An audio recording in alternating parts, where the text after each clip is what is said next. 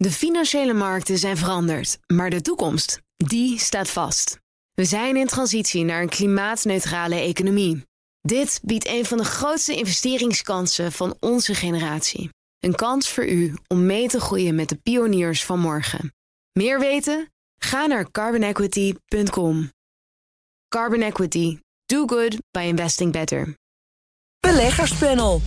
De autoriteit Financiële Markten wil stiekem meegluren met beleggers. En ondanks de hoge inflatie verhoogt Lagarde de rente voorlopig niet. Is het daar misschien toch wel tijd voor? We gaan het allemaal bespreken in het beleggerspanel. Vandaag met eh, Reine Wietsma, portfolio manager bij IBS Capital Management. En Thijs Knaap, chief economist bij APG. Welkom allebei. Goedemiddag. Dankjewel. Laten we maar eens beginnen met jullie uh, ja, laatste transactie, Reinder. Ja, nou, bij IBS doen we weinig transacties. we hebben dit jaar een tweede transactie gedaan in onze aandelenportefeuille is een Amerikaans-Canadese onderneming, die heet Waste Connections. En dat is de derde grootste uh, ja, verzamelaar van afval in Amerika. Ja. Er werken ongeveer 20.000 mensen voor, beurswaarde van ongeveer 35 miljard. Um, ja, en als ik de business case moet opzommen, dan is het dat uh, wat wij dan noemen NIMBY. Dat is not in my backyard. Uh, iedereen wil graag zijn afval kunnen weggooien.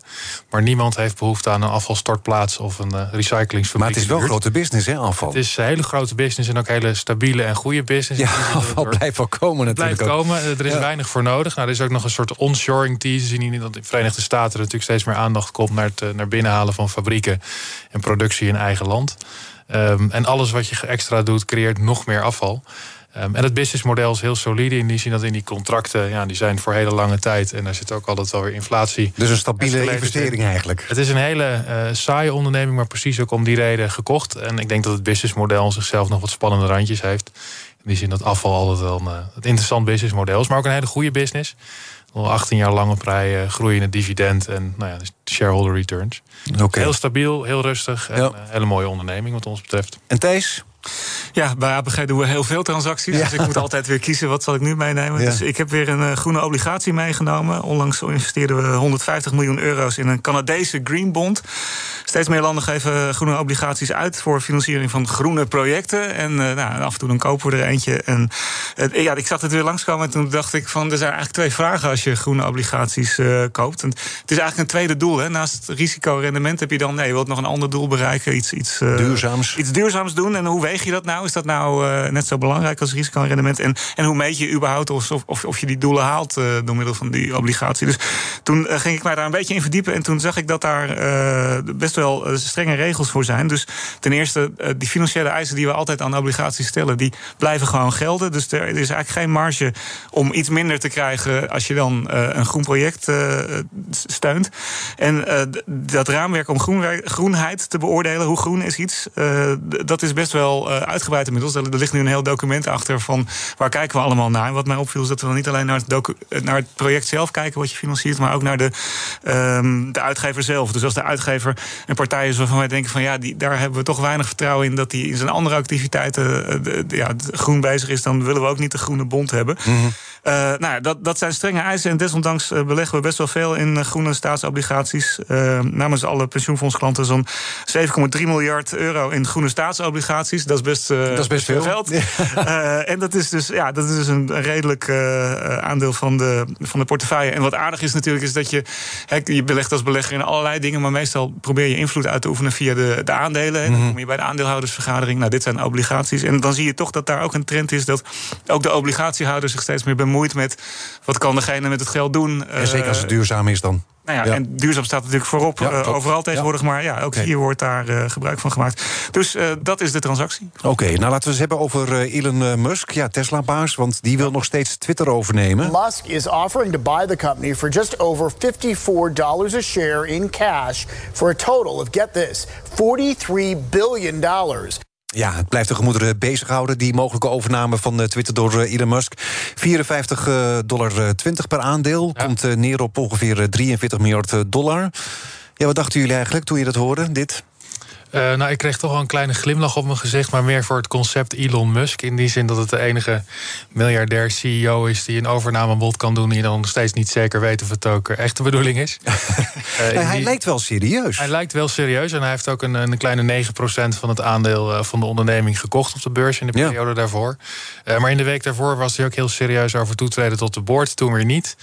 Um, hij heeft het eerder gedaan. Hij heeft ook een keer getweet en heeft er ook nog wat gedoe mee gekregen later dat hij Tesla van de beurs wilde halen. Gedoe met de SEC, ja. ja. 420 funding secured. Nou, die 420 zit er hier weer in, want hij wil 54,20 dollar betalen. Ja, overal zit die 24 ja, erin. En dat is dan weer een referentie naar. Uh, iets met wiet, geloof ik. Met wiet is een soort van inside joke uh, voor hem. Um, nee, dus ik kreeg een kleine glimlach op mijn gezicht. En verder is het denk ik een. een maar, maar neem, neem, neem je het serieus? Of denk je van, nou, dit is weer het zoveelste speeltje? Nou ja, kijk, het is altijd handig om de rijkste man uh, ter wereld in ieder geval nu in paper world om dat serieus te nemen. Alleen en dan kan je ook een beetje spelen hè, als je eruit zeker, zeker. Um, dat, geeft wat, dat geeft wat ruimte. Ja. Uh, aan de andere kant uh, Twitter en, en hij is dan ook toen het overnamebod is gelanceerd, sloot beurskoers een uh, kleine, bijna 2% lager. Ja. Dus dat geeft wel aan dat de financiële markt het op de dag van het overnamebod zelf een wat lagere kans gaf op overname dan daarvoor. Ja.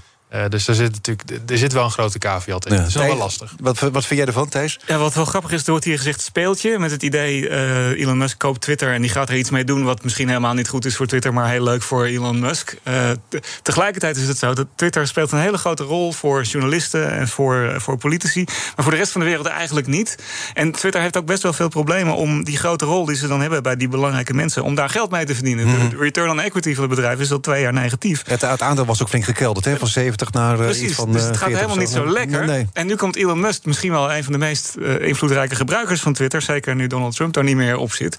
En die komt zeggen: Ik ga het bedrijf redden en ik kan er iets mee doen wat niemand anders kan. En ergens geloof ik wel dat hij daar gelijk in heeft. Dat, dat, dat het ook niet meer alleen maar voor journalisten en voor politici is, nee, maar dat, dat het ook voor iedereen gaat worden. Eigenlijk. Dat hij de mogelijkheid heeft om met zijn eigen persoonlijkheid en zijn ja, onvoorspelbare karakter daar iets van te maken. Waar meer mensen, uh, daar, waar meer mensen toe aangetrokken worden. En waar geld mee verdiend kan worden. Want dat is natuurlijk waar het dan uiteindelijk om draait. Kan je met een ja, hele invloedrijke website uh, ook ja, geld verdienen. En dat, is, dat blijkt heel lastig te zijn. Dat hebben we wel vaker gezien. Mm -hmm. hè, dat er hele invloedrijke.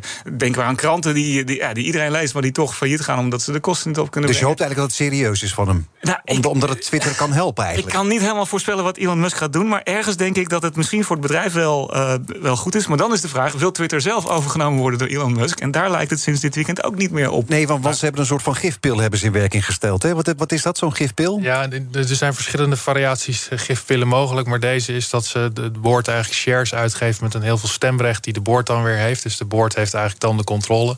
En het stemt dus tegen en dus gaat het niet door. Mm -hmm. um, nou, de, de, de, moraal van het verhaal is dat de boord er geen zin in heeft om op deze manier te worden overgenomen. Alles proberen om uh, Musk een beetje tegen te houden. te komen. Ja. En, en, een deel is ook dat de financiering, of hij zegt ja, het is of mijn bod is ook conditioneel financiering. En ondanks dat hij dan heel rijk is. Ja, want hij moet, hij moet dan toch ergens 40 miljard vandaan halen. Hè? Ja. De meeste zit natuurlijk ook in aandelen van Tesla. Ja. Ik, dan zou het betekenen dus dat hij ook aandelen zou moeten verkopen om dit te kunnen betalen. Ja, en hij heeft ongeveer de helft van zijn aandelen Tesla zijn beleend, of in ieder geval zijn beklemd. Dus dan zou hij de andere helft heeft hij nog vrij voor verkoop. Mm -hmm. Als je die zou verkopen, kom je uh, grof uh, achterkant bierveeltje op 60 miljard netto, dus na belasting. Dat zou in principe genoeg zijn. Ik denk alleen als je daarmee begint dat Tesla-aandeelhouders ook een beetje teleurgesteld zijn. Want, uh, oh ja, dat, dat zou het aandeel van Tesla nou, gaan raken. Ik denk niet dat het het goed doet. En ook omdat de focus van Elon Musk dan misschien naar het andere speeltje gaat, het Twitter-speeltje, en niet meer zozeer naar zijn ja. Tesla. Maar, maar, volgens de New York Post post Musk andere investeerders om mee te doen met het overnamebod. Ook Apollo Global Management overweegt een bod te steunen. Dus het lijkt allemaal wel serieus. Hij is op zoek naar andere investeerders die mee willen doen ook. Ja, want alle rekens... En er zijn dus ook al iets al investeerders die dan mee zou willen doen. Ja, ook weer conditioneel denk ik. Maar alle rekensommen zijn erop gebaseerd dat hij alle aandelen Twitter moet kopen. En het is natuurlijk zo dat, dat als hij meer dan 50% heeft en hij krijgt mensen mee die zeggen van nou wij willen in dat private bedrijf wat het dan zou worden ook wel belegd zijn. Dan heeft hij maar de helft nodig. Dat is nog steeds heel veel geld. Maar uh, ja, dat is al iets realistischer. Dan wordt het iets behapbaarder. Is het een verstandige beleggingsstrategie voor Elon Musk? Nou, dat weet ik dan ook niet om al je geld in Twitter te steken. Nee. Maar het, is, het, ja, het zou op zich wel mogelijk kunnen, kunnen zijn. En dan moet het board van Twitter, het bestuur, moet dan beslissen dat ze dit inderdaad ook zien zitten. Ja, want, want zo'n gifpil kunnen ze daarmee helemaal tegenhouden? In principe wel, maar het bestuur moet ook altijd in het belang van het bedrijf werken. Dat ja, is een opdracht. Doen ze dat niet. Het nee, bestuur doet nee. niet het beste voor dat de aandeelhouders. dat Elon Musk dat in dit geval Nee, precies. Maar dat is wel. Dus je kan, het bestuur moet wel een, een soort geloofwaardige tegenfilosofie uh, hebben. Waarbij ze zeggen: wij gaan het anders doen en beter. Uh, en daarom gaan we niet niet in op het aanbod van de heer Musk. Nou ja, dat, dat, dat moeten ze wel kunnen articuleren. En dat is heel lastig tegenover ja, de toch charismatische argumenten die, die Elon Musk hier op de tafel gooit. Ja, nou, ik weet zeker dat we hier de komende tijd nog wel meer over zullen horen. BNR Nieuwsradio. Zaken doen. Edwin Mooibroek. We zitten midden in het eh, beleggerspanel vandaag met eh, Reine Wietsma, portfolio manager bij IBS Capital Management, en Thijs Knapen, chief economist bij APG. Ja, de autoriteit eh, Financiële Markten wil meer opsporingsmogelijkheden op de beurs. Handel met voorkennis en andere illegale praktijken zijn namelijk te moeilijk om aan te pakken. En dus wil de AFM anoniem gaan meegluren en ook klokkenluiders gaan betalen. Wat vinden jullie daarvan? Um, nou, ik, ik, las het stukje ook uh, waar, wat, waar, dit op gebaseerd is, wat, wat, de AFM ook wil. En ik was zelf verrast door het feit dat de AFM uh, nu niet in staat is om zelf bijvoorbeeld een rekening te openen bij een buitenlandse partij en überhaupt gewoon als klant te opereren. Uh, dus in die zin leek me het logisch dat ze die bevoegdheid zouden krijgen. Dat is dus niet zo opmerkelijk, maar... Nee, het, het, het, het nee, tip geldt, of in ieder geval dat je in Amerika natuurlijk ook veel ziet met de SEC... die zelf grote zakken geld geeft aan mensen die dus iets verklikt hebben. Um, dat heeft voor- en nadelen. Dat kan ervoor zorgen dat mensen inderdaad eerder naar de toezichthouder stappen. Het kan natuurlijk ook een cultuurverandering op de werkvloer teweeg brengen... waarin je natuurlijk veel meer die Amerikaanse uh, legistische cultuur... dus dat je veel meer aan de regeltjes en de wetten mm. gaat, gaat, houden... in plaats van denken in het algemeen belang van de onderneming. Ja. Um, dus ja, zoals wel vaker, elk nadeel heeft zo een, uh, een voordeel. Maar je bent niet helemaal tegen, je bent niet helemaal voor, zo te horen. Nou, het is ook een wensenlijstje. Ja. Dus het, is een, het is een wat langer lijstje. En zoals met wensenlijstje zit er altijd wel iets goeds en iets minder goeds in. Ja. Maar ik was verrast door een aantal zaken. En in een aantal gevallen begrijp ik wel. En de toezichthouder en, en alle toezichthouders hebben in de regel een tendency om. Juist meer, meer toezicht, toezicht te houden. Ja. meer toezicht te willen ja. kunnen houden. Dus dat, dat, is ook niet onlogisch. Thijs? Ja, ik, dus ik las in het stuk ook dat, het, uh, dat de AFM vorig jaar twee boetes en vijf dwangersommen heeft opgelegd. Uh, jullie doen niet veel transacties, maar dit zijn ook niet heel veel heel boetes en dwangsommen. Terwijl ze, ik geloof, duizend wa waarschuwende brieven hebben gestuurd. dus dit lijkt een toezichthouder die heel veel bezig is met, met aanwijzingen en niet zoveel met ja, enforcement, hè, handhaving. dat lijkt niet helemaal optimaal. tegelijkertijd is het denk ik heel moeilijk. Ja, waar wil je de grens leggen? Als je toezichthouders te veel be bevoegdheden geeft, dan krijg je heel snel inderdaad een cultuur van ja, regels en, en alles is heel moeilijk en er kan niks. Uh, dus dat, daar moet de minister een, uh, ja, een, een wijs oordeel. Maar, maar is, is, is het ook nodig? Ik bedoel, gebeuren er zulke, zoveel criminele activiteiten in de Nederlandse financiële wereld? Nou, dat, punt Jullie zitten daarin, hè? Ja, ja, dat, nou, het punt is dat we dus niet weten. Dus dat, uh, dat, er worden heel weinig boetes opgelegd. Dus als je daar naar kijkt, dan, dan, dan heb je het idee dat, dat, dat valt er wel mee gebeurt. Tegelijkertijd, het, het, een van de grote pijnpunten hier is bijvoorbeeld de cryptosector, waar de AFM geen autoriteit over heeft, totdat er Europese regels zijn. En waarvan je, ah, tenminste, als ik naar de advertenties kijk, wel kan denken van dit is misschien niet helemaal. Uh, oh, je wil aandacht een beetje afleiden naar de cryptowereld. Uh. nee, maar goed, dat is iets, in ieder geval iets waarvan je weet dat ze er niks aan doen. En waarvan nee. je. Uh, maar, maar, je maar, maar blijkbaar in de gewone financiële wereld ook niet echt. Nee, maar je kunt ook met een Europees paspoort. En dat komt natuurlijk heel veel voor buitenlandse aanbieders. Maar in heel gemakkelijk ook de Nederlandse markt betreden. En je ziet in zoverre dat het speelveld van ondernemingen die gereguleerd zijn op een Malta of een Cyprus natuurlijk anders is. Dan uh, ondernemingen die hier echt hun, uh, hun toezicht hebben. Ja. En in dat opzicht uh, sluit ik me aan bij, Thijs. Maar ja, ze, wil, ze willen ook ja, klikkers een zak met geld gaan geven, hè, Thijs? Om zo uh, bijvoorbeeld te achterhalen of beleggers misschien stiekem short zijn gegaan. Ja. Minister Kaag zou zijn voorstel uh, steunen. Ik, ja, die, de, ik, merk, ik merk op dat het hier allemaal erg uh, negatief geframed wordt. Er wordt gegluurd nee. en er worden klikkers uh, ingezet. Oh, nee, maar... nee, nou ja, ja, nee. nee, maar dat, dat is... Jullie zijn positief dus? Nou, op zich denk ik dat het goed is als er... Kijk, financiële markten, meer nog dan andere markten... die varen bij het vertrouwen van beleggers. Als je, mm -hmm. als je de boel niet vertrouwt, dan, dan steek je je geld er niet in. Dus als dat niet goed gaat met, uh, met dat vertrouwen... dan gaat het niet goed met de financiële markten. Dus het is belangrijk dat er een geloofwaardige toezichthouder is... en die heeft middelen nodig om dat toezicht te kunnen ja, handhaven. En de, ja, de, de, de, vraag is nu voor de AFM, die ook nog maar 20 jaar oud is, dus in die zin nog niet zo'n uh, heel lang track record heeft. Hoe kan je dat het beste doen? En ja, daar, bij alles zijn voordelen en nadelen te bedenken. Als je mensen gaat betalen, dan lok je misschien een opportunistisch gedrag uit. uit. Tegelijkertijd kan je daarmee informatie boven krijgen die je anders niet ziet. Dus ik, ja, dit is een, een mogelijkheid om, uh, om wat, wat slagvaardiger te worden. Ja, wat, wat banken zijn ook al veel geld kwijt aan de witwasregelgevingen. Ja. Nu wil de AFM nog veel meer mogelijkheden. Ja. Het lijkt wel uh, alsof, alsof we een beetje doorslaan. Of zien jullie dat niet zo? Nou ja, vanuit de bankaire sector uh, wordt dat natuurlijk heel vaak aangegeven. Bunk is nu ook bezig met een procedure tegen, tegen de Nederlandse Bank. bank. Ja. En dat kunnen ze doen omdat Bunk wat minder afhankelijk is van, van de Nederlandse bank. Ja. Uh, maar dat geeft natuurlijk wel veel aan dat er anoniem heel veel bijval komt vanuit de sector. En als je kijkt naar de verhouding van mensen die werken in het, het nou ja, compliance, dus het toezicht op regelgeving, en de mensen die nog uh, bezig zijn met het vak, dan zie je dat de compliance afdeling de wind uh, qua groei heel goed in de zeilen heeft. Ja, daar komen, daar komen heel veel mensen bij. Zonder ja. dat daar significante verbeteringen tegenover staan. In die zin dat we geen last meer hebben van witwassen of financiering terrorisme. En die druk ligt allemaal bij de financiële instelling die dat allemaal moet bekostigen en moet doen. En uiteindelijk betaalt natuurlijk wij met z'n allen, de consument, ook die rekening. Mm -hmm. um, nou ja, de outsourcing van dat toezicht wordt dus naar beneden geduwd. En, en de sector ligt op zijn rug en kan ook niet zoveel. Um, ja, en daar zit een spanningsveld in. En het is ook aan de politiek om daar uh, verstandige beslissingen in te nemen. Ja, maar jij bent ook nog wel redelijk diplomatiek. Ik bedoel, wat vind je ervan? Uh, nou ja, ik, ik, mijn observatie is dat die afdelingen heel hard zijn gegroeid... zonder dat er nou significante...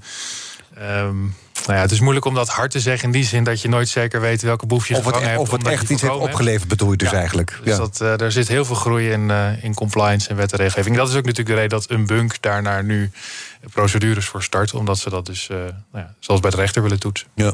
Ondanks de hoge inflatie verhoogt de Europese Centrale Bank de rente voorlopig nog even niet. Maar ECB-president Christine Lagarde houdt de optie open om deze zomer nog wel te gaan verhogen. In the current conditions of high uncertainty, we will maintain optionality, gradualism, and flexibility in the conduct of our monetary policy. Ja, dat was al uh, verwacht hè, dat ze niet uh, zou uh, verhogen. Wat vinden jullie van het besluit, Thijs? Het was een van de grote zekerheden op financiële markten... dat de ECB niet zou gaan verhogen. Heel veel dingen zijn onzeker, maar dit wist iedereen zeker.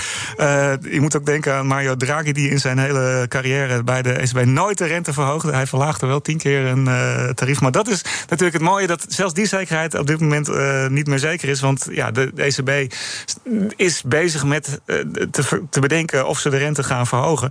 Een van de dingen die daarbij in de weg zit, is dat ze eerst gezegd hebben in een, in een forward guidance, zoals dat heet, dat ze de rente pas gaan verhogen op het moment dat ze gestopt zijn met opkopen van het obligaties. Ja. Nou, daar zijn ze nog niet mee gestopt, dus ze kunnen nog niet uh, op dit moment uh, die rente gaan verhogen. Ze hebben er ook allerlei regels aan, uh, aan gehangen. Dus wat, de, van tevoren hadden ze gezegd, we gaan alleen de rente verhogen als wij in onze eigen voorspellingen zien dat de inflatie boven die, of in ieder geval in de buurt van het doel van 2% zit. Nou ja, dat zit het wel, toch? Nou ja, en nu hebben ze dus, dus een van de we zitten sowieso zitten we erboven, maar die voorspellingen, en dat is wel het interessante. Als je nou naar de meest recente voorspellingen kijkt van vorige week, dan zie je dat daar staat uh, 2022 5,1 procent, hoog genoeg. Uh, 2023 2,1, 2024 1,9. Dus, ja, ze denken dus allemaal dat het tijdelijk is. Dus en daarom zou die renteverhoging nog niet uh, moeten komen. Nou, exact, exact. Dus, en het mooie is dat nu naar de letter van de wet dat ze wel voldaan hebben aan, aan de voorwaarden voor de renteverhoging. Namelijk dat het in de eigen voorspelling de 2% gehaald wordt. Mm -hmm. Duurzaam, daar lijkt het wel op. Uh, maar ja, er waren nog een aantal andere voorwaarden. Want uh, ze wilden dan ook inderdaad gestopt zijn met het opkoopprogramma.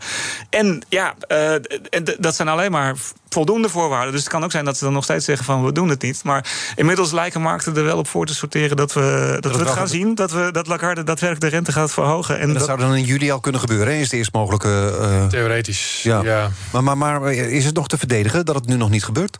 In nou, Europa? Misschien dat je dat iets, dat een kleine nuance in die zin. En dat um, financiële markten natuurlijk hier ook doorheen kijken. En dat je ziet dat de rente, dus, dus dat, dat instrument dat ze uiteindelijk gaan inzetten, al wel behoorlijk is opgenomen. Mm -hmm. Sterker de marktrente is al flink De marktrente. Ja, en ja. dat zien we natuurlijk ook nu al terug in hypotheekrentes en andere. Dus die. Kijk, centrale banken verkrappen eerst met woorden en pas veel later met daden. Dus als je focust op het moment dat ze echt iets doen, mm -hmm. ben je veel te laat. In die zin dat financiële markten nu al een forse inprijzing hebben gedaan. Van, Omdat ze heeft gezegd van in uh, juli waarschijnlijk de. Omdat dan, het überhaupt dan is een opkoopprogramma is, zit er al een heel ja, ander. Het opkoop, opkoopprogramma is dan afgelopen, dan kunnen we gaan verhogen. Dat gaat er nu in drie maanden vanaf. 40, Ja. 30 en 20 miljard nog. En dan zijn we daarmee klaar. Dus dan hebben we inderdaad, zo- zoals Thijs zegt, de ruimte om de rentetechnisch te verhogen. Maar de marktprijs nu al in dat dat gaat gebeuren. Mhm.